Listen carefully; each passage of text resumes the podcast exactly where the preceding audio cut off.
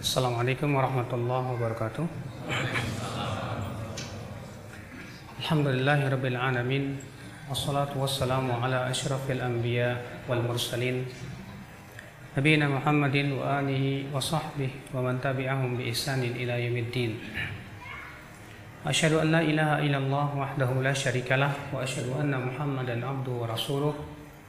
Qala Allah Ta'ala fi karim Ya ayyuhalladzina ya ayyuhalladzina amanu taqullaha haqqa tuqatih wa la tamutunna illa wa antum muslimun amma ba'd. Alhamdulillah ayun ikhwah sekalian kita bersyukur kepada Allah atas limpahan karunia yang Allah berikan kepada kita terutama nikmat Islam dan nikmat iman dan nikmat waktu luang.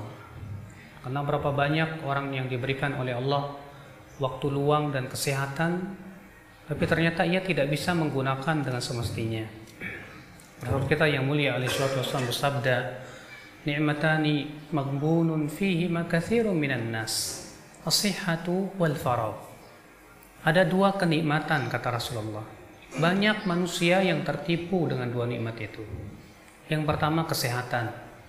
Yang kedua al-faragh itu waktu luang.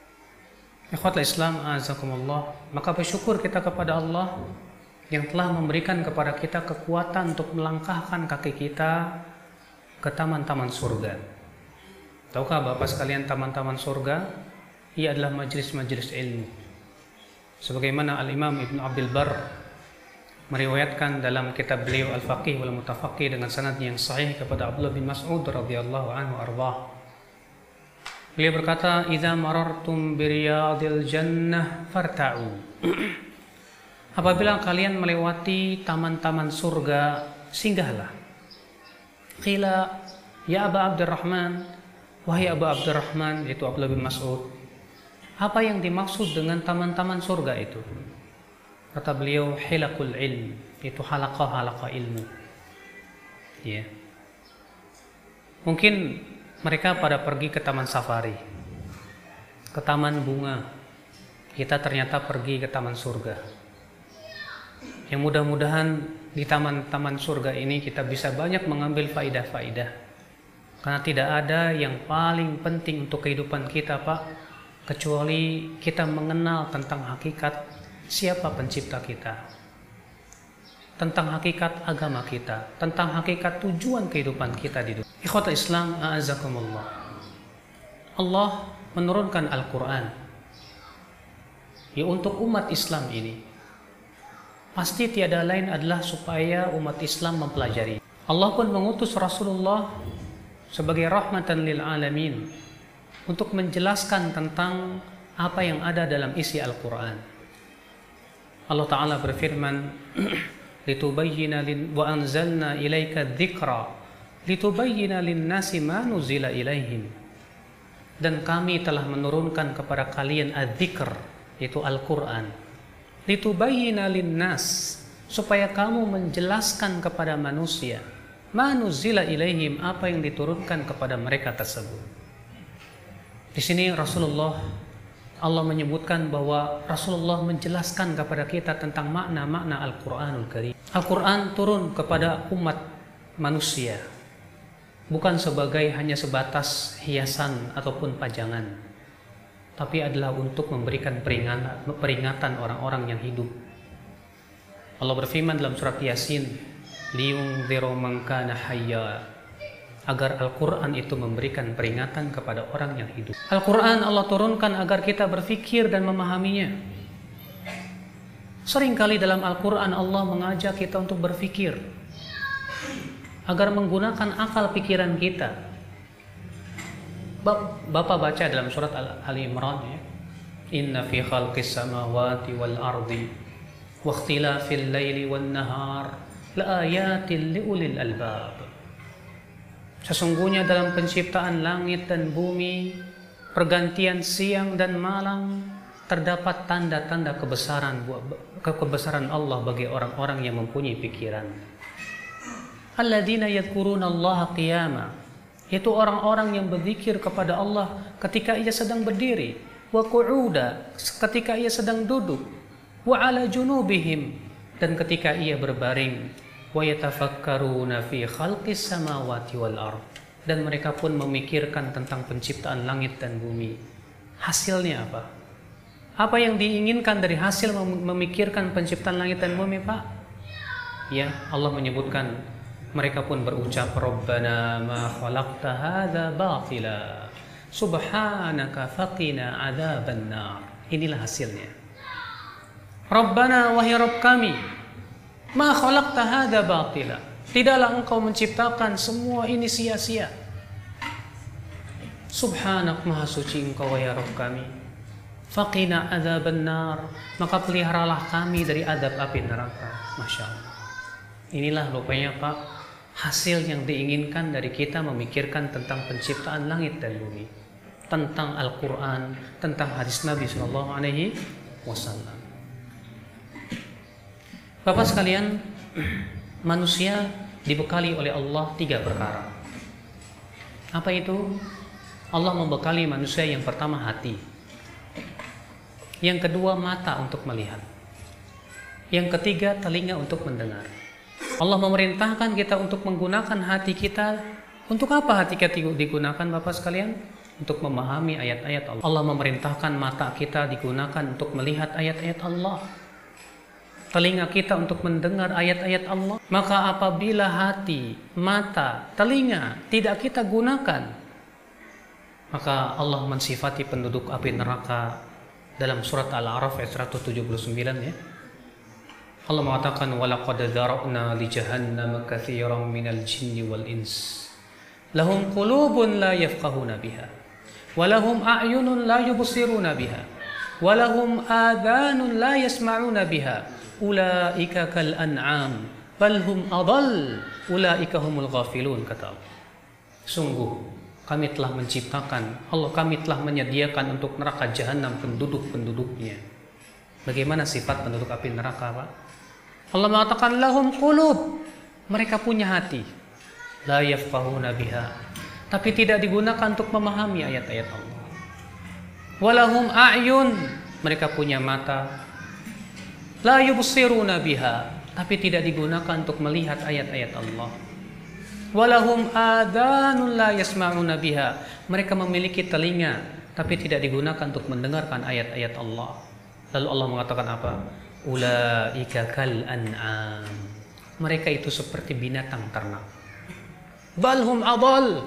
Bahkan lebih sesat lagi kata Allah. Kenapa? Binatang ternak tidak punya akal pikiran, Pak. Tapi dengan instingnya dia bisa membedakan mana makanan yang baik untuk dia, mana yang tidak. Coba silahkan Bapak tawarkan kepada ayam narkoba. Apakah kira-kira Bapak yang mengira ayam itu bisa dan mau untuk mematuk narkoba? Tidak mau. Instingnya mengatakan ini tidak baik untuk diri. Bapak tawarkan, ya, ganja ataupun sesuatu yang bisa merusak tubuh. Ternyata dengan instingnya binatang ternak bisa tahu. Dia tidak. Manusia diberikan oleh Allah akal pikiran. Manusia tahu narkoba itu bisa merusak tubuh. Manusia tahu bahwa ini hal-hal yang bisa merusak kehidupan dia, tapi aneh, dikonsumsi juga. Sementara hewan tidak punya akal pikiran, tapi dia tetap tidak mau ia memakan sesuatu yang bisa merusak dirinya tersebut.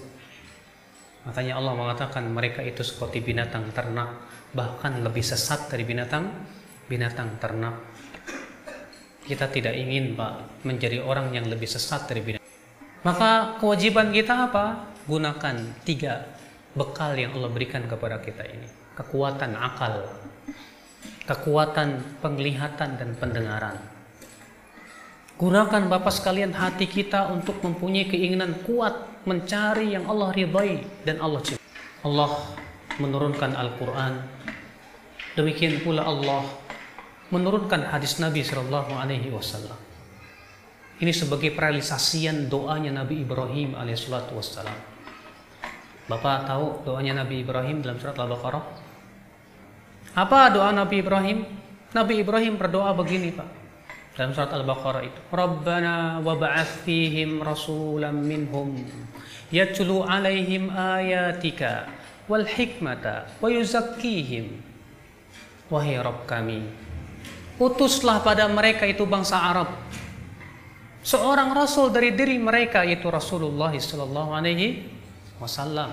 Yatlu alaihim yang membacakan kepada mereka ayat-ayat engkau. Wal hikmah dan al hikmah. Kata para ulama tafsir yang dimaksud dengan al hikmah dalam ayat ini al hadis yaitu hadis Rasulullah sallallahu alaihi wasallam. Artinya Nabi Ibrahim minta supaya Rasul ini membacakan kepada mereka dua perkara, ayat-ayat Allah dan al-hikmah yaitu sunnah atau hadis-hadis Rasulullah sallallahu alaihi wasallam. Dan dalam surat Ali Imran Allah berfirman, "Wa may yu'tal hikmah faqad utiya khairan katsira." Siapa yang diberikan oleh Allah al-hikmah, sungguh ia telah, telah, telah diberikan kebaikan yang sangat banyak sekali. Dan al-hikmah dalam ayat ini pun kata para ulama as-sunnah yaitu sunnah hadis Nabi Shallallahu Alaihi Wasallam. Ikhwata Islam, a'azakumullah. Al-Quran dan hadis, alhamdulillah sudah termaktub. Mungkin saya yakin setiap bapak mempunyai Al-Quran pak di rumah-rumah bapak. Alhamdulillah. Tapi yang satu kita khawatirkan. Kita khawatir Al-Quran itu nanti pada hari kiamat malah menyeret kita ke neraka bersaksi di hadapan Allah, ya Allah, dia dahulu tidak pernah mempelajari saya. Dia berpaling dari saya, masukkan ia ke dalam api neraka, ya Allah. Makanya Rasulullah SAW bersabda dalam hadis yang dikeluarkan Muslim, Al-Qur'anu hujjatun laka au alaik. Al-Quran itu hujjatun lak. Hujjah yang akan membela kamu nanti pada hari kiamat. Au alaik. Atau Al-Quran menjadi hujah yang akan membinasakan kamu nanti pada hari kiamat. Kita hanya diberi, diberikan dua pilihan. Ima Al-Quran membela kita pada hari kiamat. Atau Al-Quran menjerumuskan kita ke dalam api. Sekarang saya mau tanya, mana yang kita mau dari dua itu? Tentu yang pertama. Tapi bagaimana caranya? Caranya yaitu kita berusaha untuk mempelajari Al-Quran. Makanya orang yang senantiasa membaca Al-Quran, Pak, Al-Quran datang pada hari kiamat memberikan syafaat. Kata Rasulullah dalam riwayat Muslim, "Iqra'ul Quran." Bacalah oleh Allah oleh kalian Al-Quran. Fa innahu ya'ti yaumal qiyamah syafi'an li ashabih. Karena nanti Al-Quran datang akan memberikan syafaat kepada pembaca-pembacanya. Dalam riwayat Tirmidzi, Rasulullah SAW bersabda, Inna sawma wal Qur'an yashfa'an li sahibaihima yawmal qiyamah. Sesungguhnya puasa dan Al-Quran akan memberikan syafaat untuk pelakunya nanti pada hari kiamat. Yaqulul Quran, Al-Quran akan berkata, Ya Rabb, mana'tuhun naum bil lail. Ya Rabb, di waktu malam aku telah mencegah ia tidur untuk membacaku. Fasyafi'ni fih, berikan syafaat untuk dia. Berkata puasa, Ya Rabb, mana'tuhut ta'am, Aku telah mencegah ia dari makanannya. Berikan dia syafaat. Fayu syafa'an. Lalu kemudian Allah pun mengizinkan untuk memberikan syafaat padanya. Luar biasa Bapak sekalian. Maka dari itulah Al-Quran yang ada di rumah-rumah kita Pak. Berusaha kita untuk mempelajarinya Pak. Ia adalah Al-Quranul Karim yang berisi petuah-petuah yang agung. Ia adalah Al-Quranul Karim yang berisi tentang jalan kehidupan manusia yang sesungguhnya. Bapak tidak akan mendapatkan dalam ilmu-ilmu dunia seperti yang ada dalam Al Coba tanya kepada ahli fisika, adakah dalam ilmu fisika rumus masuk surga? Saya yakin tidak. Bapak tanya kepada ahli matematika, adakah dalam matematika rumus masuk surga? Saya yakin tidak ada. Tapi Al-Quran telah menjawab bagaimana kita masuk surga. Allah berfirman, Wal asri innal insana lafi khusrin illa alladhina amanu wa amilus salihat wa tawasaw bil haqqi sabri. Masya Allah. Itulah surga, jalan kalian. Akhul Islam.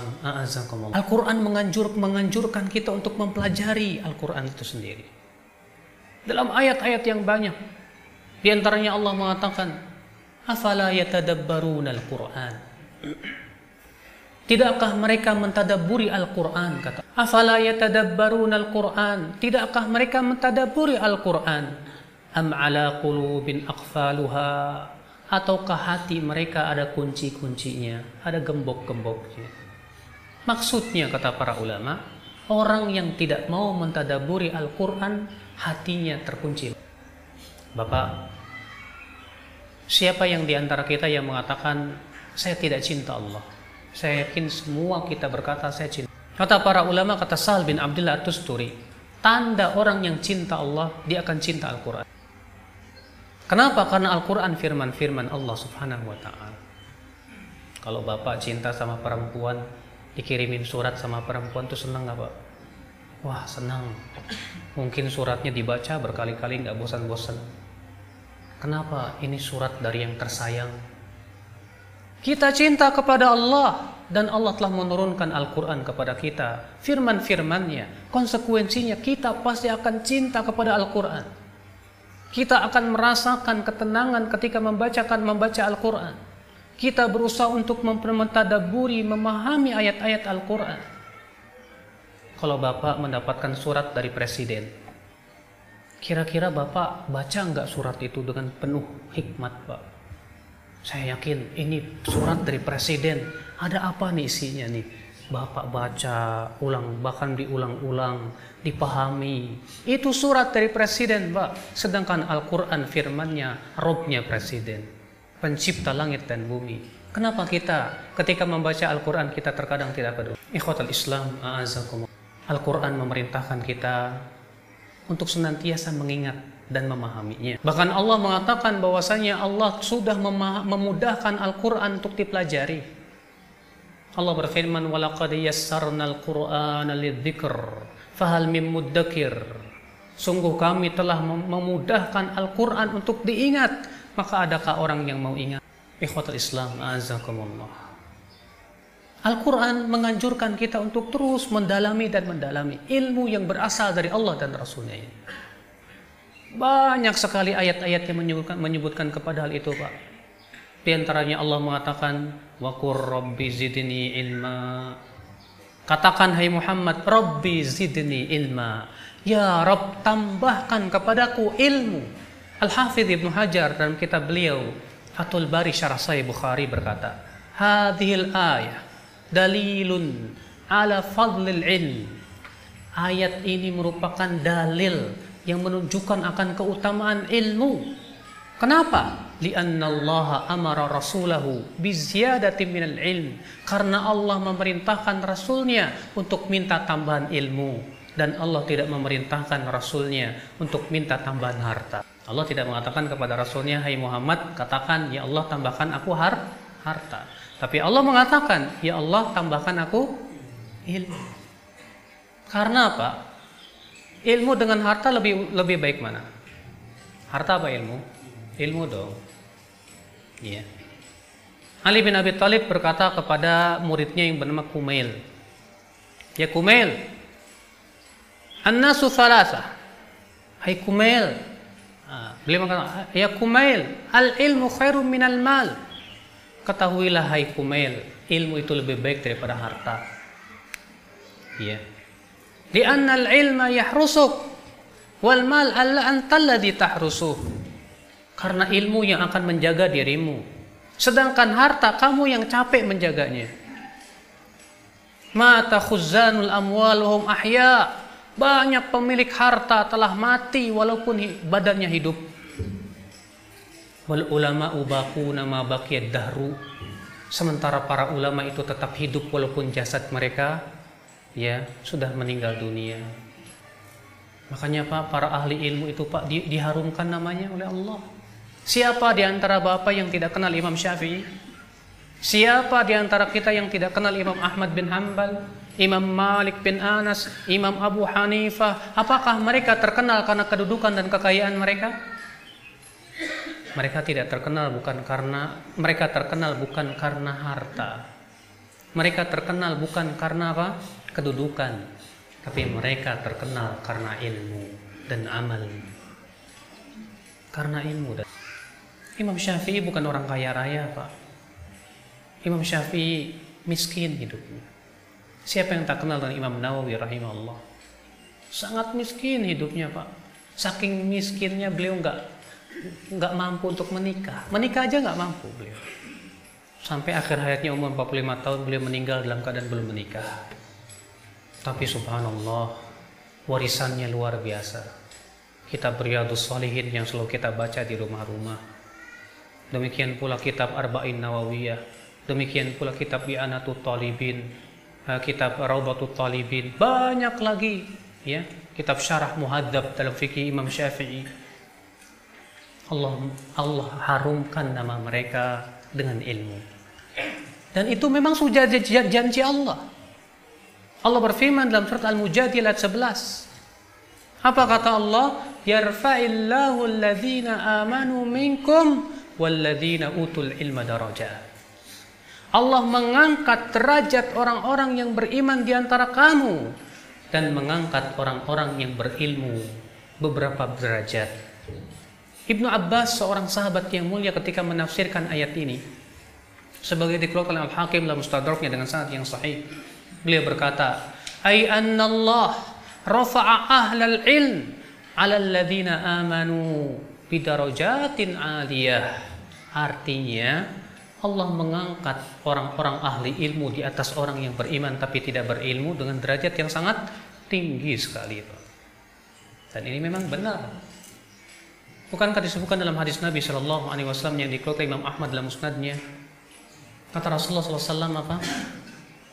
Fadlul alim alal abid kafadlil qamar ala sairil kawakib. Keutamaan orang yang berilmu dibandingkan dengan ahli ibadah tapi tidak berilmu.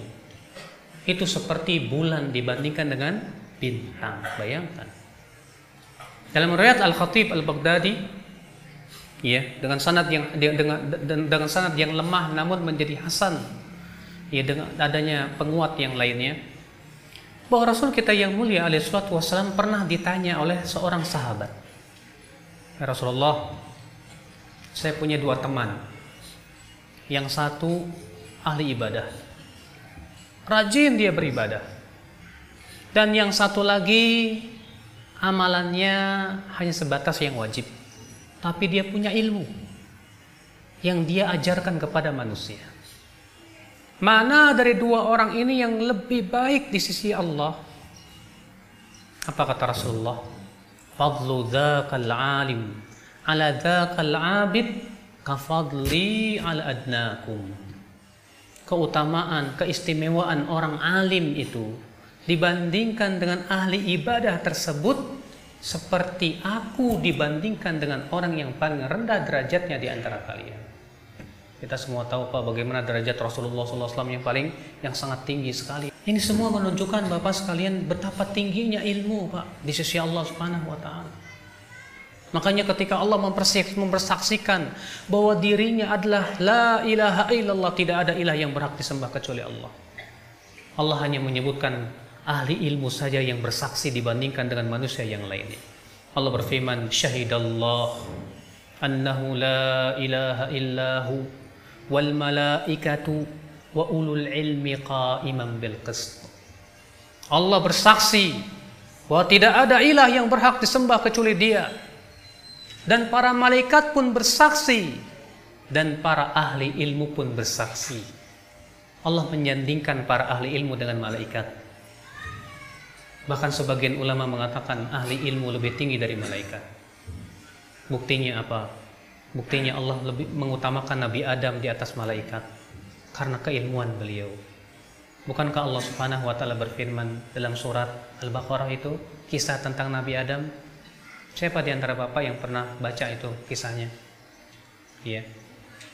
Di mana Allah ber berfirman wa 'allama Adam al-asma'a kullaha thumma 'aradahum 'alal malaikah dan Adam pun diajarkan oleh Allah seluruh nama kemudian Allah memperlihatkannya kepada malaikat faqal lalu Allah berfirman kepada malaikat ambiuni bi asma'i haula in kun in kuntum sadiqin ya Kabarkan kepadaku nama-nama mereka semua. Jika kalian memang orang-orang yang benar, hai malaikat. Karena waktu itu, ketika Ibnu para malaikat merasa dirinya lebih baik daripada Adam. Bahkan mereka menganggap tidak ada yang lebih baik yang Allah ciptakan dari makhluknya dari mereka. Maka Allah Subhanahu wa taala mengatakan kepada para malaikat, "Coba beritahukan kepadaku tentang nama-nama semua itu jika kalian orang yang benar." Iya. Ternyata mereka tidak bisa. Maka di sini terlihatlah ke keistimewaan Nabi Adam. Rupanya Nabi Adam diistimewakan oleh Allah di atas malaikat dengan apa? Dengan ilmu. Dengan ilmu, Bapak. Iya. Ikhwatul Islam, a'azakumullah. Jangan jangankan manusia, Pak. Hewan saja kalau punya ilmu mulia dia. Dalam Al-Qur'an, Pak, Allah menyebutkan bahwa anjing buruan itu boleh dimakan dagingnya kapan? Kalau dia berburu, kemudian dia menangkap buruannya, maka buruannya itu halal. Apa syaratnya kata para ulama? Syaratnya yang pertama, harus ketika kita mengirim anjing itu dalam keadaan kita membaca bismillah. Syaratnya yang kedua, anjing ini sudah diajari tata cara memburu. Makanya Allah Subhanahu wa taala menyebutkan dalam surat apa? Al-Maidah. Ya. Allah berfirman, "Yas'alunaka madza uhilla lahum?" Qul uhilla lakumut thayyibat wa jawarihi mukallibina tu'allimunahunna mimma 'allamakumullah. Fakulu mimma amsakna 'alaikum wadhkuru smallahi 'alaih. Mereka bertanya kepadamu hai Muhammad tentang makanan-makanan yang dihalalkan dari buruan. Ya. Maka Allah mengatakan katakan kepada mereka Allah menghalalkan untuk kalian yang baik-baik. Dan apa yang kalian ajarkan kepada anjing-anjing kalian untuk berburu maka silahkan makan dari apa yang telah yang telah diburu oleh mereka. Kata para ulama, anjing saja kalau diajarin ilmu jadi halal buruannya. Berarti yang anjing yang tidak diajarkan ilmunya tetap tidak halal hasil buruannya. Ya. Kalau anjing saja dengan ilmu bisa mulia, apalagi manusia. Makanya orang ahli ilmu itu pasti dimuliakan oleh Allah Subhanahu wa taala. Di dunia dan di Di dunia Allah akan angkat namanya Allah harumkan namanya. Mereka para ahlul ilm. Di akhirat Allah pun angkat derajatnya yang tinggi di sisinya. Betapa indahnya pengaruh ahli ilmu terhadap manusia. Tapi betapa buruknya sikap manusia kepada ahli. Ahli ilmu berusaha membuka mata-mata yang gelap. Ahli ilmu berusaha membuka hati-hati yang tertutup. Ahli ilmu berusaha untuk membuka telinga-telinga yang tertutup tapi ternyata manusia lebih memilih untuk hatinya tertutup. Bahkan mereka banyak memusuhi para ahli ilmu. Memang kenyataan demikian. Ikhwatul Islam azakumullah. Maka dari itulah ya akhi azakumullah. Kita hidup di dunia tak akan lama. Kata Bapak Patri tadi, kita hidup di dunia tak akan lama. Betul, sahih. Berapa tahun? Siapa yang bisa menjamin dari Bapak bahwa kita akan hidup 10 tahun lagi? Siapa yang bisa menjamin Bapak bahwasanya besok saya masih hidup? Kita tidak tahu. Barangkali kita pulang dari sini kita meninggal dunia. Barangkali kita esok entah rusak atau kapan kita meninggal dunia. Lalu apa persiapan kita kalau bukan dengan cara apa? Terus menggali Al-Quran dan hadis Nabi Shallallahu Alaihi Wasallam. Akhul Islam, a'azzakumullah. Pelajarilah ilmu Allah ini, Pak. Ilmu Al-Quran dan hadis Nabi Wasallam ini, Pak. Yang telah Allah turunkan untuk kebahagiaan manusia dan untuk kebahagiaan kita. Orang yang mempelajari Al-Quran dan hadis tak akan pernah menyesal dalam kehidupannya. Pasti Allah akan berikan kemuliaan dan berbagai macam kemuliaan yang Allah berikan kepada. Di antaranya orang yang senantiasa mempelajari Al-Quran dan hadis Allah jamin ia tidak akan pernah kafir selama Baca oleh Bapak surat Ali Imran ayat 100 dan 100. Ayat 100 Allah mengatakan ya ayyuhalladzina amanu in tuti'u fariqan minal ladzina utul kitab yaruddukum ba'da imanikum kafirin. Wahai orang-orang yang beriman, jika kamu mentaati sebagian ahli kitab itu, itu Yahudi dan Nasrani, niscaya mereka akan mengembalikan kalian kepada kekafiran setelah keimanan kalian. Artinya kalau kita lebih ridho mengikuti mereka Yahudi dan Nasrani, kita akan kembali kepada kekafiran setelah keimanan. Lalu Allah mengatakan dalam ayat 101-nya apa? Wa kaifa takfurun? Bagaimana kalian akan menjadi kafir? Artinya mustahil kalian kafir. Kapan? Wa antum tutla alaikum ayatullah wa fiikum rasul. Sementara kamu terus-menerus dibacakan ayat-ayat Allah dan pada kalian ada rasulnya. Ini menunjukkan Pak, selama kita terus mempelajari Al-Quran, terus mempelajari hadis Rasul, kita dijamin tidak akan kafir. Kita takut sekali kalau kita meninggal dunia dalam keadaan su'ul khatimah. Kita takut sekali keimanan kita lepas dari hati-hati kita, Pak. Lalu bertemu dengan Allah dalam keadaan telah lepas keimanan kita. Kita tidak mau. Maka caranya adalah pelajarilah Al-Quran dan hadis Nabi Shallallahu Alaihi wasallam. Karena di sini Allah memberikan jaminan. Wa kaifa takfurun kata Ibnu Katsir ay annal kufra ba'idun ankum. Bagaimana kalian akan menjadi kafir? Artinya kekafiran akan jauh dari kalian. Kapan? Wa antum tutla. Di sini Allah menggunakan kata-kata fi'il mudhari lil majhul. Sementara kalian tutla dibacakan dan fi'il mudhari dalam bahasa Arab itu mempunyai makna istimrar, terus-menerus. Artinya sementara kalian terus menerus dibacakan kepada kalian ayat-ayat Allah. Allah ya Pak. Indah sekali ketika hari-hari kita dihiasi dengan apa? Bacaan ayat-ayat Allah. Hati kita akan bercahaya, Pak, bercahaya. Tapi banyak kaum muslimin lebih merasa indah ketika mendengar dangdutan. Banyak kaum muslimin lebih merasa indah ketika mendengar nyanyi. Ketika sedih, dengerinnya apa? Dangdut. Iya. Ketika senang, rock and roll. Padahal Rasulullah SAW mintanya kepada Allah apa? Apa kata Rasulullah? Ya, anta ja'alal qur'ana rabi'a qalbi wa nura sadri wa jala'a huzni wa dhahaba hammi. Ya Allah, jadikan Al-Quran ini sebagai air kesejukan dalam hatiku, cahaya dalam dadaku, penghibur kesedihanku dan penghilang kegudah-gulaan ke, ke, kegelisahanku. Masya Allah. Rasulullah minta kepada Allah agar Al-Quran ini menjadi apa? Air yang menyejukkan hati. Di saat hati kita merasa gergersang, di saat kita sedih, di saat kita gundah gulana, di saat kita gelisah, segera kita baca Quran, langsung memberikan ketenangan, itu yang kita inginkan dan bahkan itu yang diminta oleh Rasulullah Sallallahu Alaihi Wasallam. Pernahkah Bapak ketika bersedih membaca Al-Quran? Pernahkah Bapak ketika bingung dengan bangga berbagai macam problematika kehidupan, Bapak segera baca Al-Quran? Seringkali kita berpaling malah dari Al-Quranul Karim. Padahal Al-Quran itu syifa'ul linnas, memberikan kesembuhan dalam dada-dada manusia.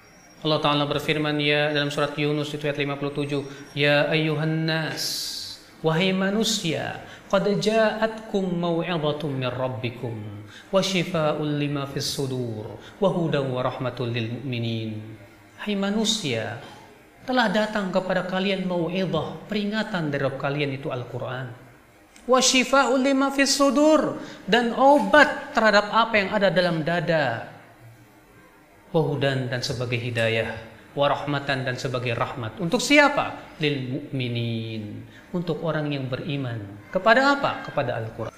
Bapak sekalian, terkadang kita hanya sebatas menjadikan Al-Quran sebagai hiasan-hiasan dinding rumah kita. Tapi kita tidak peduli dengan apa yang ada dalam isi ayat-ayat Al-Quran tersebut. Masya Allah, ikhwatul Islam azam. Ketika kita mendengar ayat Al-Quran, kita tak pernah merasa dada kita bergetar atau apa pun. Dianggapnya ini sesuatu yang biasa, yang lewat dalam, ya bagaikan angin yang begitu saja. Padahal ketika Allah menyebutkan tentang sifat orang beriman, apa Pak? Innamal mu'minuna alladhina idha dhukirallah wajilat qulubuhum wa idha tuliyat alaihim ayatuhu zadatum imana. Dalam surat apa itu? Al-Anfal. Sesungguhnya orang yang beriman itu siapa? Yaitu orang-orang yang apabila disebut nama Allah, takutlah hati mereka kepada Allah. Dan apabila dibacakan ayat-ayatnya, zadatum imana, bertambah keimanan mereka. Ketika kita mendengarkan ayat-ayat Allah, pernahkah keimanan kita naik, Pak? Beriman, kemudian kita pun berusaha untuk memahami ayat-ayatnya. Bahkan pernahkah kita menangis ketika membaca ayat-ayat Al-Quran? Pernahkah kita merasakan kenikmatan yang luar biasa ketika membacakan ayat-ayat membaca ayat-ayat Al-Quran? Masya Allah, ikhwatul Islam azakumullah. Maka dari itulah dahulu Rasulullah dan para sahabatnya tak pernah lepas hari-harinya dari membaca. Rasulullah menganjurkan umatnya untuk kalau bisa setiap malam baca Quran. Bahkan Rasulullah memberikan apa? Ya, pahala besar. Man qara'a asyra ayat. Kata Rasulullah, siapa yang membaca 10 ayat saja dalam satu malam, lam yuktab minal ghafilin. Ia tidak akan ditulis sebagai orang yang lalai. Waman qara'a khamsina ayat Siapa yang membaca 50 ayat kutiba minal qanitin dia akan ditulis sebagai orang yang qanit yang tunduk kepada Allah. Dianjurkan oleh Rasulullah Pak, setiap hari kita jangan lupa baca Quran. Bahkan Rasulullah menganjurkan umatnya supaya setiap bulan kalau bisa khatam Quran. Kalau bisa setiap bulan khatam Quran. Iya. Yeah. Oh, kita terkadang khatam Qurannya cuma bulan Ramadan doang, Pak. Di bulan Ramadan, Masya Allah, bisa khatam Quran terkadang bisa dua kali, tiga kali. Setelah Ramadan selesai, selesai juga. Tidak lagi. Ya. Padahal kita sangat dianjurkan untuk selalu senantiasa dekat dengan Al-Quran. Bapak, Bapak biasanya kalau curhat sama saya, Bapak. Bapak pasti akan curhat kepada orang yang Bapak merasa dia dekat kepada Bapak. Ya enggak? Kalau kita merasa dekat dengan teman, kita akan curhat. Tapi kalau ke ke kepada sembarang teman, kita nggak curhat.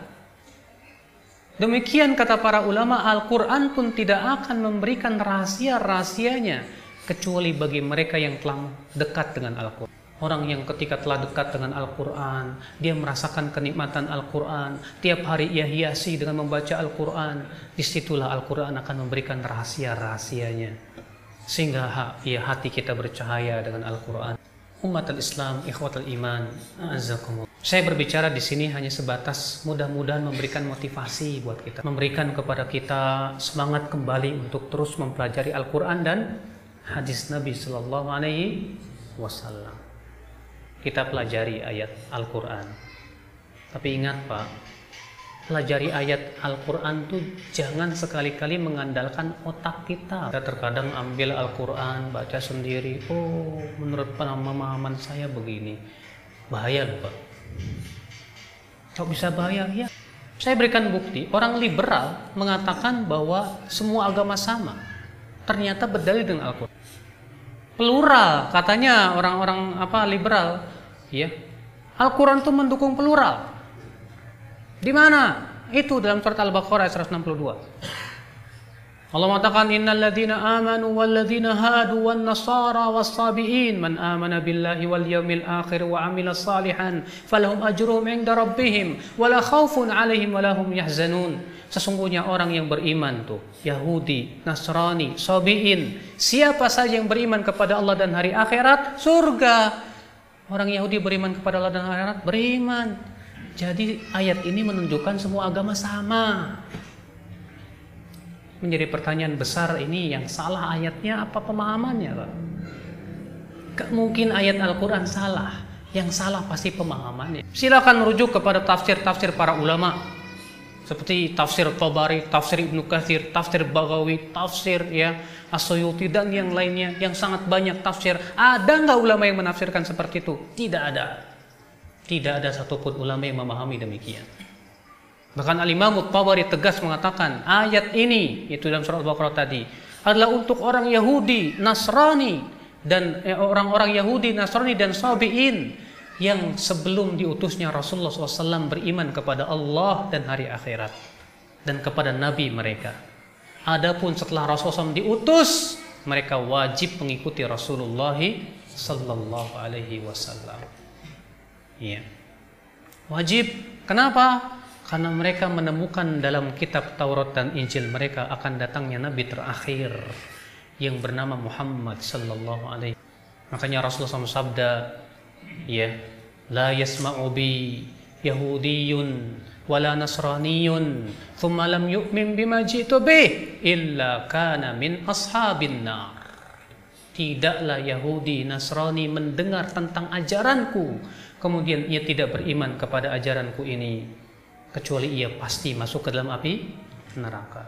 Jadi ayat itu tidak mendukung plural. Kalau misalnya kan karena kan mereka itu kalau memahami ayat sendiri dengan akalnya sendiri ya hancur seperti itu pak. Dikemanain tuh ayat yang mengatakan bahwa Allah mengkafirkan orang Yahudi dan? Allah mengatakan laqad kafaral ladzina qalu innallaha salisu salasah. Sungguh telah kafir orang yang mengatakan Allah itu tiga dari yang tiga. Loh, dikemanakan ayat itu? Allah juga berfirman wa qalatil yahudu Uzairun ibnullah. Berkata orang Yahudi Uzair itu anak Allah. Dikemanakan ayat itu?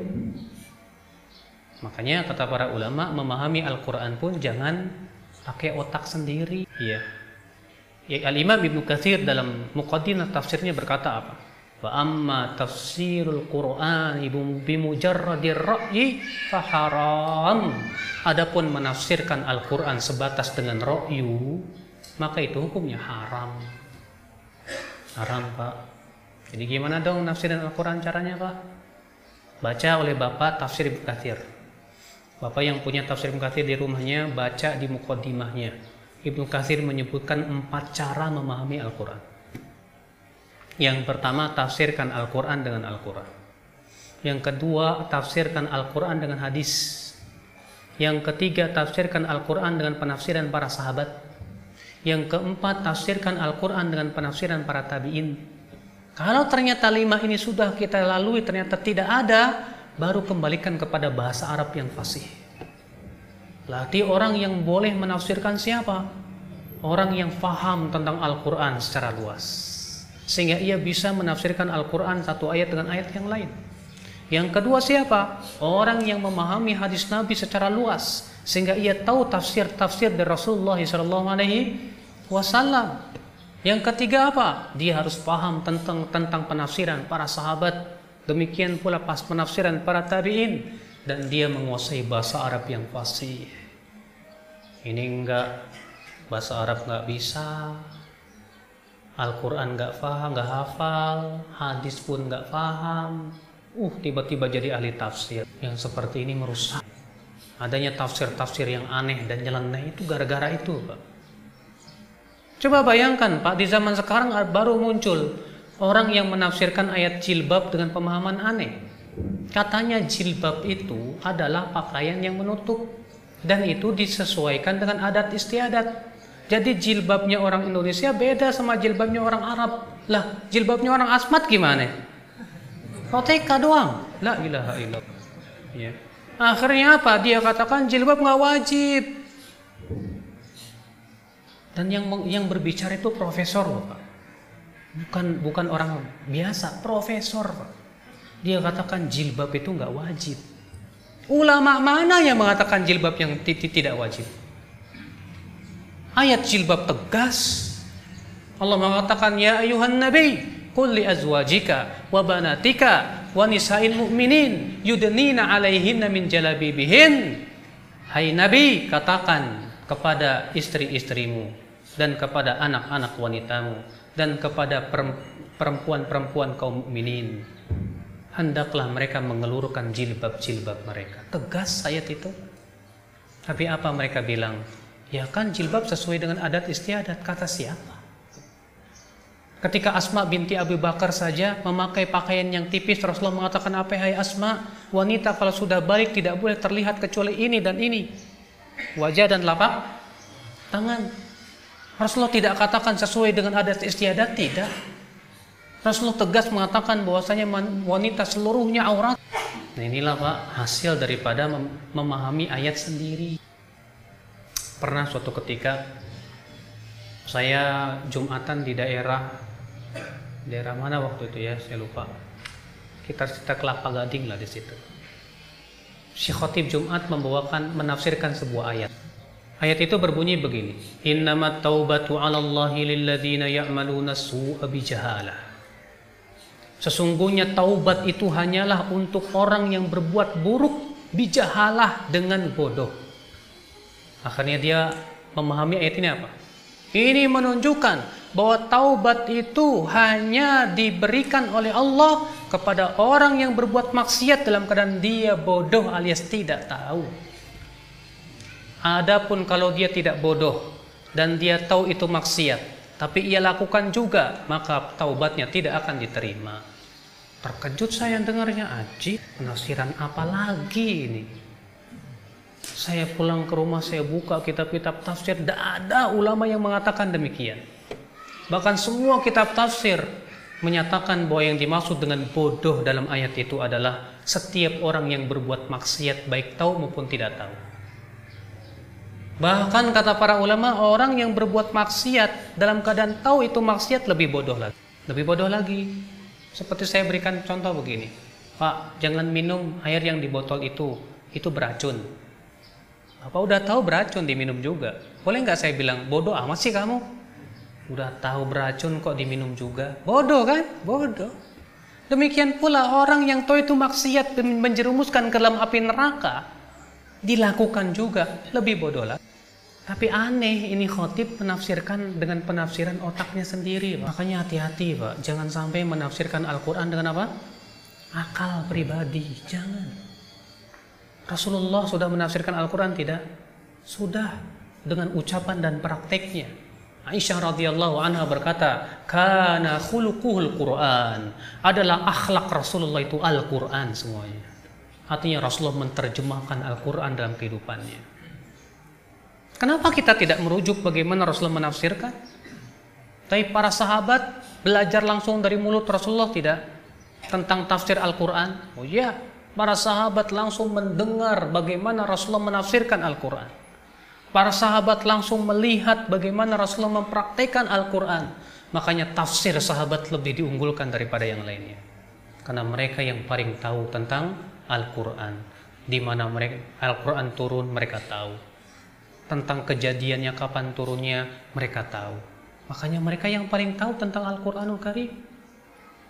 Ya maka dari itulah Al-Quran menyuruh kita untuk mengikuti para sahabat. Baca oleh Bapak dalam surat Ali Imran Ali Imran. At-Taubah ayat 100 dalam surat At-Taubah ayat 100 baca. Allah berfirman apa? Wasabiqunal awwalun minal muhajirin wal ansar والذين اتبعوهم بإحسان رضي الله عنهم ورضوا عنه والسابقون الأولون dan orang-orang yang pertama kali masuk Islam minal muhajirin wal ansar dari kalangan muhajirin dan ansar lalu Allah menyebutkan apa walladzina taba'uhum dan orang-orang yang mengikuti mereka mereka ini siapa muhajirin dan ansar apa yang terjadi? Radhiyallahu anhum. Allah ridho kepada mereka. Waradu'an dan mereka pun ridho kepada Allah. Allah mengatakan Allah ridho kepada orang-orang yang mengikuti siapa?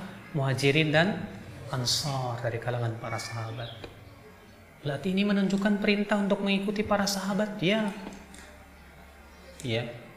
Makanya Imam Syafi'i rahimahullah di antara pokok madhab Imam Syafi'i berhujah dengan pendapat sahabat apabila tidak diselisih oleh sahabat lain. Bagaimana pujian Imam Syafi'i terhadap para sahabat luar biasa, Pak. Ya beliau mengatakan waqad athnallahu tabaraka wa ta'ala ya alaihim fi kitabihil karim. Allah telah memuji mereka di dalam Al-Qur'an. Ya, sampai beliau berkata wahum fawqana fi kulli ilmin wa aqlin wa ijtihadin wa wara'in wa istimbatin. Mereka para sahabat di atas kita dalam setiap ilmu, dalam setiap pemahaman, dalam setiap apa? Ya. Dalil, apa namanya? istimbat. Demikian pula dalam masalah kefakihan. Lalu beliau berkata lagi, wa ara'um um lana Ahmad. Pendapat para sahabat lebih terpuji untuk kita wa indana min ara'ina li anfusina dan lebih layak untuk kita ikuti daripada pendapat kita sen sendiri. Makanya ini merupakan ketetapan madhab Imam Syafi'i. Ya. Yaitu mendahulukan pendapat sahabat daripada pendapat setelah sahabat. Ikhwatul Islam, azakum. Jadi memahami Al-Quran jangan pahamilah dengan pemahaman yang ya supaya kita tidak tersesat jalan. Demikian pula hadis Nabi Shallallahu Alaihi Wasallam pun harus difahami dengan pemahaman yang sahih. Jangan mengambil sebagian hadis, buang hadis lain. Tapi lihatlah riwayat-riwayat yang ada dalam hadis tersebut supaya kita faham bagaimana mengkompromikan hadis-hadis Nabi Shallallahu Alaihi Wasallam. Apalagi kak di masalah fikih itu banyak sekali perselisihan ulama. Ya, makanya kan dalam masalah fikih terkenal dalam Islam itu ada empat madhab madhab syafi'i, madhab hambali, madhab maliki, dan madhab apa? Hanafi. Imam Malik gurunya Imam siapa? Imam Syafi'i. Imam Syafi'i gurunya Imam Ahmad. Tapi kok masing-masing dari ini madhabnya dia berdiri sendiri. Ya, masing-masing punya pengikut dan pembela. Dalam masalah apa? Dalam masalah fikih. Dalam masalah akidah semua sama. Ya, Kenapa? Karena memang pengetahuan dan tingkat pemahaman para ulama itu pun berbeda, berbeda-beda. Makanya terjadi perbedaan. Kalau kita baca Al-Fatihah di belakang imam wajib baca Al-Fatihah apa enggak? Imam Syafi'i mengatakan wajib baca Al-Fatihah di belakang imam. Imam Abu Hanifah mengatakan enggak boleh baca Al-Fatihah, baik jahar maupun sir. Imam Ahmad mengatakan kalau imam mengeraskan, diam. Kalau imam diam atau tidak mengeraskan, baca. Masing-masing punya dalil, punya. Hujah mereka sahih semuanya, Pak. Ya.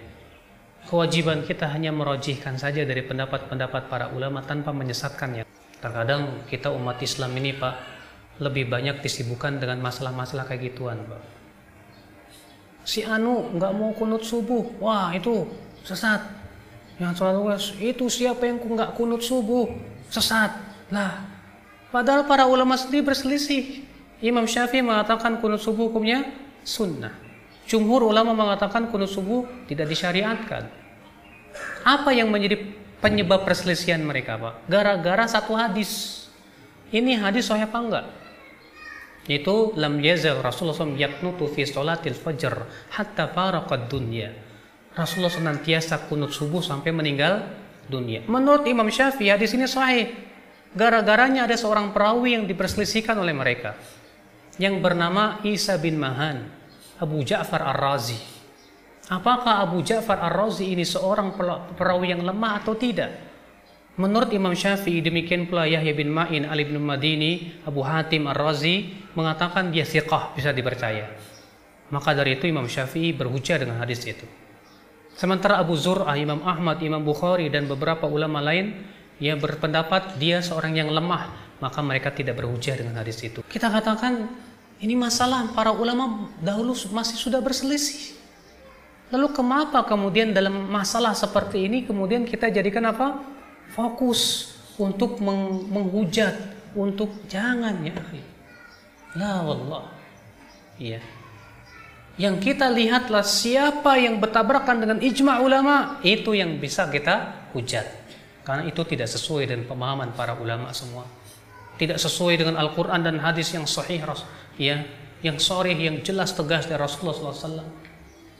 Makanya para ulama menghujat pendapat Abu Hanifah yang mengatakan apa? Katanya arak itu yang berasal dari anggur saja.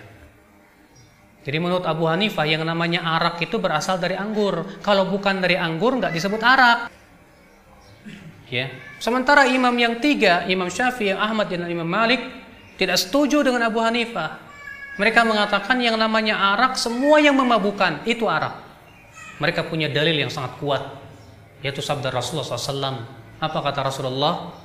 Ya kullu muskirin khamrun wa kullu khamrin haram. Setiap yang memabukkan itu arak dan setiap arak itu haram.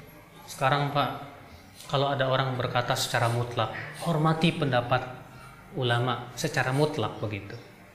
Lalu ada pemuda minum pakai arak tapi yang berasal dari rambutan. Lalu bapak mengingkari, kamu nggak boleh minum minuman. Kata dia, hormati pendapat Abu Abu Hanifah ya. Abu Hanifah bilang arak itu yang dari anggur doang. Ya. Ini bukan anggur rambutan, bos. Sambil mau mengabuk gitu. La ilaha illallah. Tidak bisa. Abu Hanifah dalam hal ini tidak bisa kita Hormati pendapatnya. Kenapa? Karena tegas bertabrakan dengan hadis yang sahihun sorih, jelas, tegas. Makanya para ulama tidak bisa mentolerir perkataan Abu Hanifah ini. Ya. Ikhwatul Islam, azakumullah. Nah, di sini terkadang Pak ya, kita kurang bisa membedakan mana perselisihan yang bisa kita tolerir dan mana perselisihan yang tidak bisa kita tolerir. Perselisihan yang para ulama saja tidak mempermasalahkan, kita malah mempermasalahkan, bahkan menghujat. Ya, nah di sinilah kita harus fakih juga. Dan yang kedua wasi sodar, dadanya lapang untuk melihat mana hujah yang paling kuat. Karena agama kita ini Pak, keistimewaannya adalah berdasarkan wahyu dari Allah. Ya. Agama kita ini Pak mengajarkan kita untuk selalu apa? Selalu dengan hujah dan dalil. Islam tidak pernah mengajarkan doktrin. Islam tidak pernah mengajarkan fanatik kepada suatu madhab tertentu. Tidak. Islam mengajarkan supaya fanatik kita kepada Allah dan Rasulnya. Allah mengatakan dalam surat apa namanya uh, Al-Hujurat ayat 1. Ya ayyuhalladzina amanu la tuqaddimu baina yadayillahi wa rasulih. Hai orang-orang yang beriman, kalian jangan mendahului Allah dan Rasulnya. Artinya kita tidak boleh mendahulukan perkataan siapa pun di atas perkataan Allah dan Rasulnya. Makanya Imam Syafi'i sendiri tegas mengatakan apa? Idza wajadtum fi kitabi ma yukhalifu qala rasul fal qawlu maqalahu rasul fala tuqalliduni. Apabila kalian menemukan dalam buku saya ini pendapat saya yang bertabrakan dengan sabda Rasulullah yang kalian ambil adalah sabda Rasulullah dan buang jauh-jauh pendapatku kalian jangan membeo kepadaku kata Imam Syafi'i makanya Pak saya merasa heran banget dengan sebagian kaum muslimin yang mewajibkan harus satu madhab. Pokoknya kita nggak boleh banyak-banyak madhab. Madhab Syafi'i aja udah. Madhab Hambali saja udah. Loh kok masa bisa gitu sekarang waktu Imam Syafi'i hidup ada berapa madhab ada dua madhab madhab Hanafi dan madhab Maliki. Kenapa Imam Syafi'i nggak ngikutin salah satu madhab saja? Malah kemudian berdiri sendiri pendapatnya menjadi madhab sendiri. Di, mas, di zaman Imam Ahmad hidup ada berapa madhab? Ada tiga madhab. Madhab Syafi'i, madhab Maliki, madhab Hanafi. Kenapa Imam Syafi'i tidak mengikuti salah satu madhab saja? Itu kan menunjukkan bahwa para ulama sendiri tidak pernah meyakini harus satu madhab, tidak pernah. Makanya Pak, subhanallah fanatik-fanatik madhab inilah yang kemudian malah memecah belah kaum muslimin. Dan ini disebabkan terkadang Pak, karena pelajaran di pesantren itu kurang sempurna Pak. Kenapa? Karena di pesantren-pesantren itu ternyata terfokus satu madhab doang. Coba Bapak lihat ya, di pesantren-pesantren dipelajari Safinatun Najah, madhab syafi'i. Fatul Qorib, madhab syafi'i. I'anatu talibin madhab syafi'i. Dan di pesantren kita pak yang paling tinggi itu i'anatu talibin sudah kalau sudah menguasai i'anatu talibin syarah fatul mu'in udah jauh benar pak. Ya. belum sampai kepada syarah muhadabnya Imam Nawawi padahal syarah muhadab Imam Nawawi itu adalah buku perbandingan madhab perbandingan apa? madhab Akhirnya apa? Jebolan-jebolan pesantren pun juga karena memang sudah terbiasa dengan madhab syafi'i. Akhirnya mengharuskan ikut madhab syafi'i. Akibatnya apa? Fanatik buta banget sama madhab syafi'i. Akibatnya apa? Mewajibkan harus ikut madhab syafi'i. Sekarang saya mau tanya Pak. Kalau Bapak mewajibkan harus ikut madhab syafi'i, berarti konsekuensinya bahwa kebenaran semuanya ada di madhab syafi'i. Kalau Bapak berkata, iya, semua kebenaran ada di madhab syafi'i. Tapi kalau begitu madhab yang lainnya sesat. Karena tidak ada yang tidak lebih dari dua. Ima benar, ima salah. Iya tidak? Iya. Siapa ulama yang berkata demikian? Maka di sinilah Pak, penting untuk mencerdaskan kaum muslimin bahwasanya hujah kita Al-Quran dan hadis Nabi SAW ijma dan kias. Adapun pendapat ulama kita boleh pakai ketika sesuai dengan empat perkara ini. Bukan berarti kita tidak menghormati ulama, tidak. Tapi itulah yang diperintahkan oleh para ulama kepada kita. Allahu alam. Mudah-mudahan yang sedikit ini bisa memberikan pencerahan ya kepada kita untuk semakin terus mendalami Al-Quran dan hadis Nabi Shallallahu Alaihi wasallam supaya kita pun menjadi jelas kepada kita mana jalan yang hak, mana jalan yang batil, menjadi jelas kepada kita mana ke surga, mana ke neraka, mana halal, mana haram, sehingga kita pun juga tidak terus-menerus terkadang bimbang dalam aneka ragam pemikiran. Banyak orang bimbang, kenapa sih umat Islam berpecah belah, yang satu begini, yang satu begitu. Kenapa Bapak bimbang dan bingung, Pak? Saya yakin kebingungan itu akibat daripada Bapak tidak punya ilmu. Sebab kalau Bapak pergi ke suatu tempat, Bapak nggak pernah tahu jalannya. Tahu-tahu dihadapkan pada persimpangan jalan. Sana, sini, sini. Bingung nggak Pak? Kenapa Bapak bingung? Nanya ke sini Pak, ke Serang ke mana? Sono. Nanya lagi ke sana, sono, lalu bingung. Kenapa bapak bingung? Jawabnya satu, bapak nggak tahu. Kalau bapak tahu, mau orang mau ngomong apa podo amat. Saya udah sering lewat sini kok. Iya. Demikian pula Bapak kenapa bingung? Kenapa ada pemikiran-pemikiran dan yang lainnya? Ini sebenarnya yang benar yang mana? Jawabnya karena Bapak bingung. Bingung itu karena Bapak tidak tahu. Kurangnya ilmu.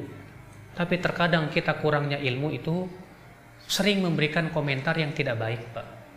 Saya berikan sebuah contoh komentar yang saya katakan tidak baik. Seringkali kita berkata begini, kamu jangan merasa paling benar, apa?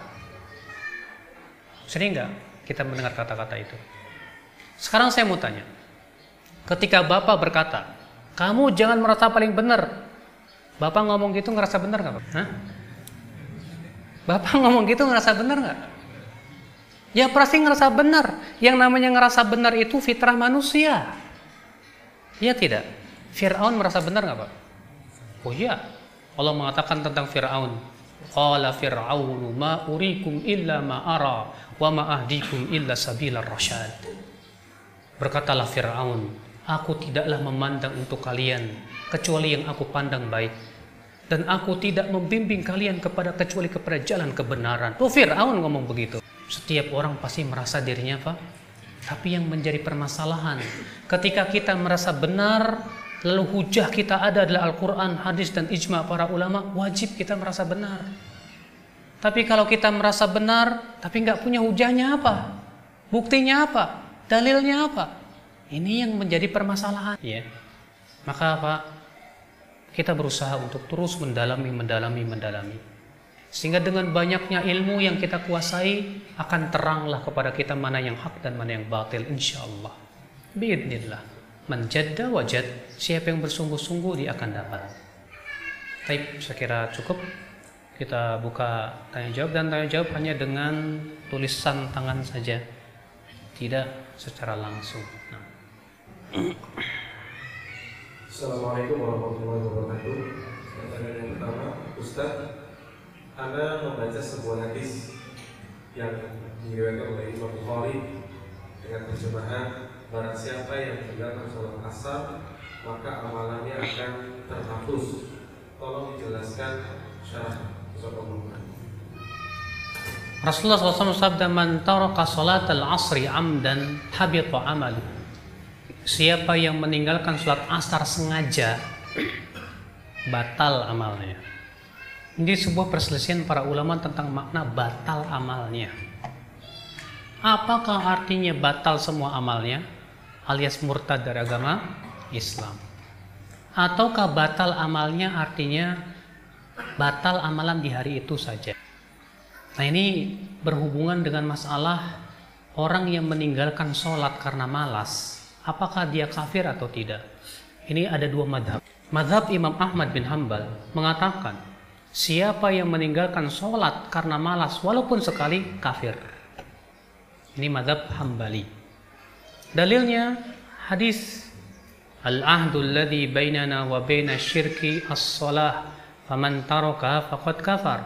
Batasan antara kita dengan kesyirikan dan kekafiran itu sholat. Siapa yang meninggalkan sholat maka dia kah? kafir.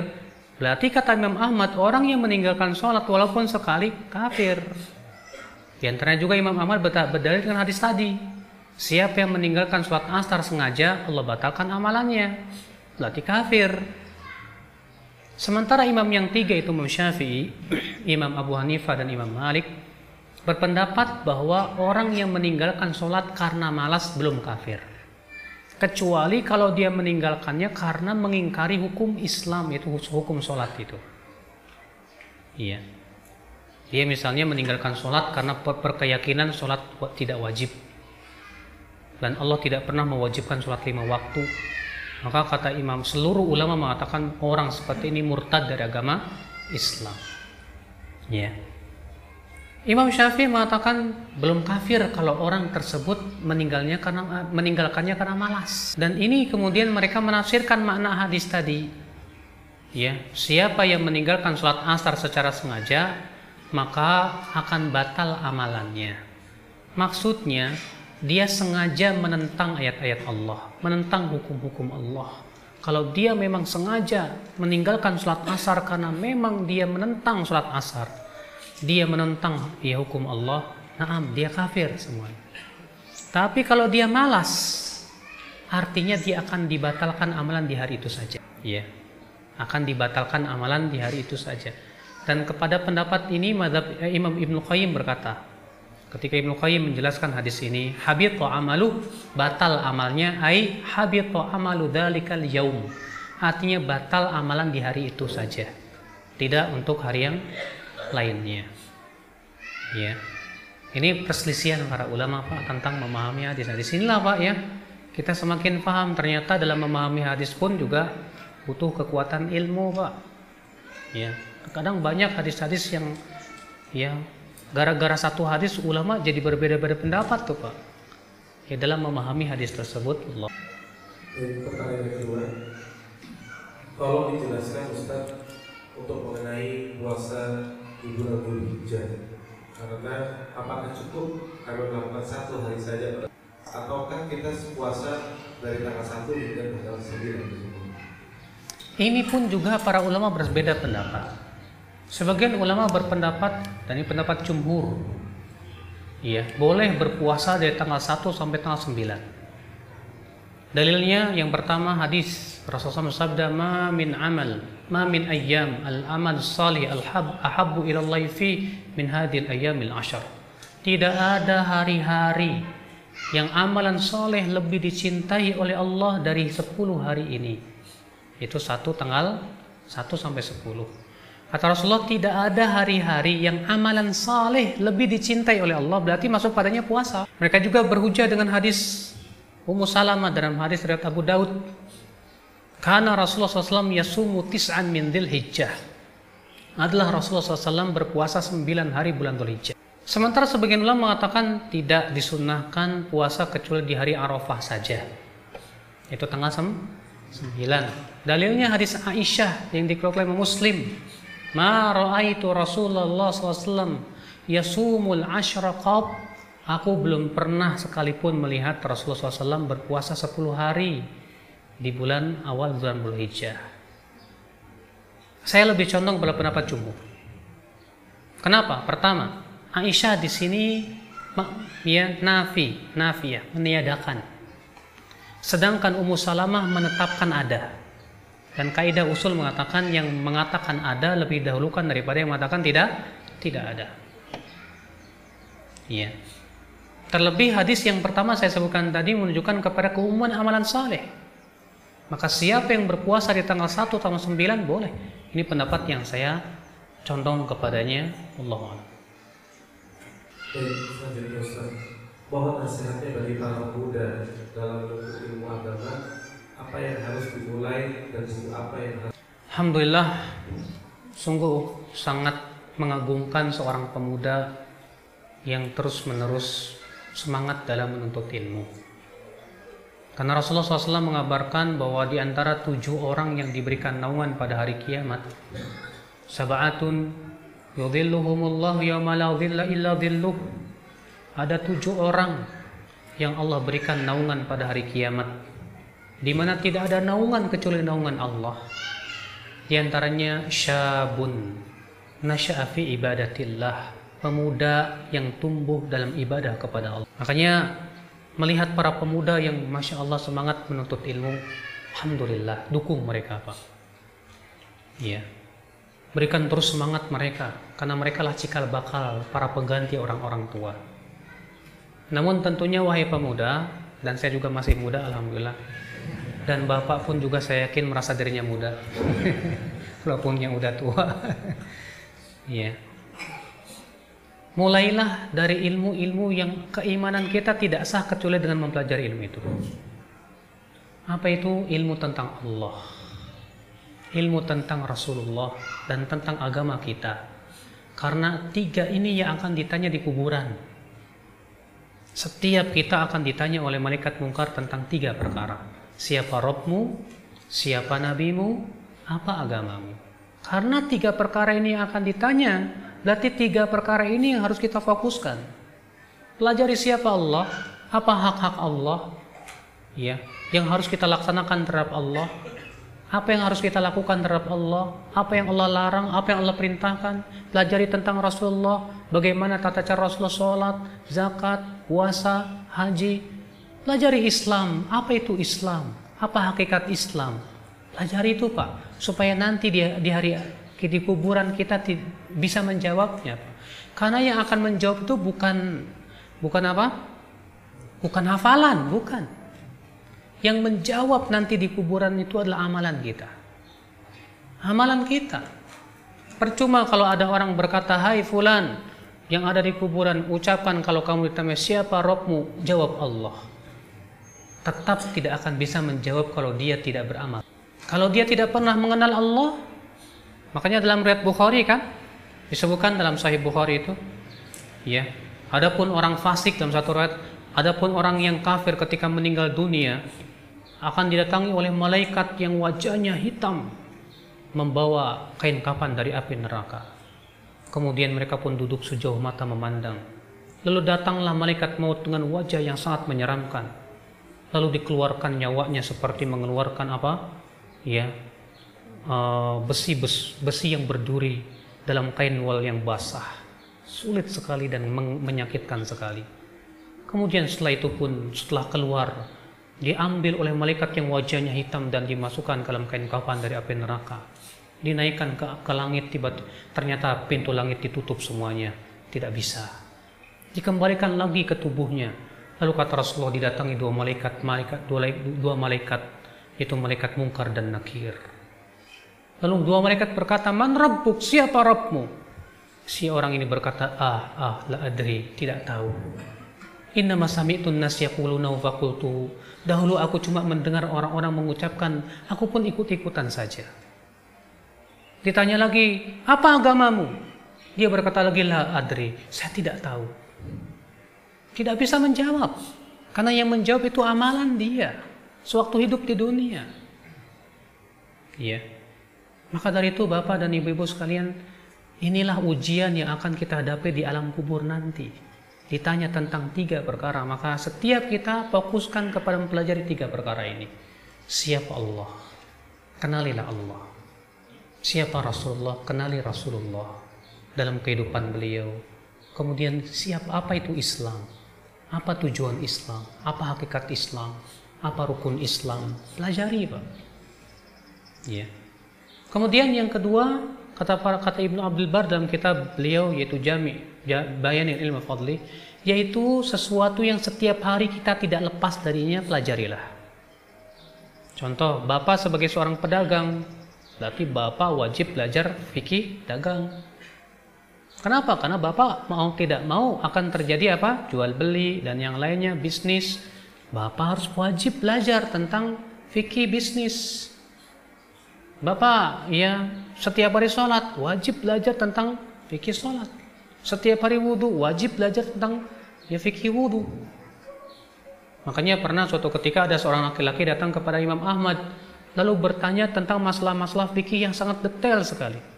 Kata dia, hai, hai Imam Ahmad, saya mau tanya, apa hukumnya berwudhu dengan air perasan bunga ros? Kata Imam Ahmad, saya tidak suka. Lalu bagaimana hukumnya berwudhu dengan air perasan kacang, berbusan kacang itu? Kata Imam Ahmad saya nggak suka itu. Pas dia mau pergi ditariknya Imam Ahmad. Sekarang saya mau tanya kamu, doa masuk masjid apa? Si pemuda itu diem aja nggak tahu. Doa keluar masjid apa? Diam aja. Subhanallah, yang setiap hari kamu lakukan nggak tahu. Ternyata kamu malah nanya yang sifatnya detail seperti ini. Maksudnya, fokuskan dulu kepada yang sifatnya apa? Setiap hari kita lakukan, Pak. Sudah paham belum? Bagaimana cara kita tidur, bagaimana cara kita makan, minum. Terkadang kita makan aja nggak paham adab, ya. Sebelah kanan makanan, sebelah minum kiri, sebelah kiri minuman. Am, plus, plus. Nggak sadar kalau dia makan tangan kiri, minum tangan kiri. Katalah kata Rasulullah, orang yang makan dan minum pakai tangan kiri itu setan. Iya. Kita serang, terkadang tidak peduli yang sifatnya keseharian aja. Keseharian aja kita nggak paham. Nah itu pelajari. Ya. Pelajari hal-hal yang seperti itu yang sangat kita butuhkan dalam kehidupan kita. Baik, mungkin pertanyaan terakhir Ustaz Eh, Bagaimana hukumnya tadi Ustaz mengatakan Orang yang membaca Al-Quran 10 ayat akan dicatat sebagai orang yang tidak lalai Dan 50 ayat dicatat sebagai orang yang valid Itu hadisnya riwayat siapa Ustaz Kemudian eh, Bagaimana apabila orang itu baca Al-Quran tapi tidak memahami artinya Apakah dia juga akan mendapatkan syafaat pada hari kiamat Hadis itu dikeluarkan At-Tabrani dalam Mu'jamul Kabir. Dan hadis sahih, namun ada beberapa lafaz yang agak berbeda. Dalam riwayat Tabrani itu siapa yang baca 10 ayat, lalu 50 ayat, lalu 200 ayat. Dalam satu riwayat siapa yang baca 50 ayat, lalu 200 ayat, lalu 500 ayat. Iya, yang jelas semua itu menunjukkan anjuran untuk kita setiap malamnya jangan lepas dari membaca Al-Qur'an. Iya. Nah, kalau kita baca Quran tapi kita tidak tidak paham artinya, tetap diberikan pahala. Tapi tidak sebesar pahala orang yang memahaminya. Makanya kata Rasulullah man qara'a al-Qur'an fa falahu bi kulli harfin hasanah wal hasanatu bi asyri amthaliha. Siapa yang membaca Al-Qur'an setiap hurufnya ditulis satu kebaikan dan satu kebaikan itu harganya sama dengan sepuluh kebaikan. Berarti satu huruf sepuluh La aqulu alif lam mim harfun. Saya tidak mengatakan kata Rasulullah alif lam mim itu satu huruf tidak. Tapi alif satu huruf, lam satu huruf, mim satu huruf. Berarti kalau Bapak cuma sebatas mengatakan alif lam mim 30 dapat. Dzalikal kitabu la raiba fi hudan lil muttaqin. Berapa dapat, Pak? Hitung aja sendiri. Tapi jangan ngitung-ngitung, Pak. Ah, saya udah banyak nih kayaknya nih. Hitung pakai kalkulator lagi. Masya Allah. Tiap hari dihitungin. ya, akhirnya tertipu. Wah, amalan saya udah sejuta lebih ini. La ilaha illallah. Jangan, Pak. Ya. Jangan merasa banyak dengan amalan soleh. Karena kita tidak tahu mana amalan yang sudah diterima oleh Allah. Ya. Allah alam ini saja yang disampaikan mudah-mudahan yang saya sampaikan yang bermanfaat dan mohon maaf bila ada kata-kata yang tak berkenan di hati yang benar semuanya dari Allah dan yang salah adalah dari syaitan dan dari kelemahan ilmu saya. Subhanakallah bihamdik asyhadu an la ilaha illa anta astaghfiruka wa atubu ilaik. Wassalamualaikum warahmatullahi wabarakatuh